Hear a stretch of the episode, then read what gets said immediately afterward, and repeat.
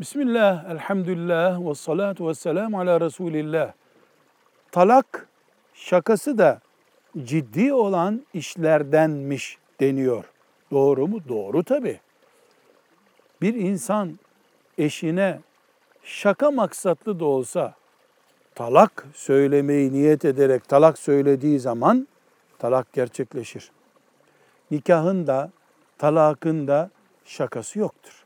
Müslüman bu tip işlerde espri yapmaz, şaka yapmaz, sinirlendi diye konuşmaz. Bunlar hayati değeri olan işlerdir.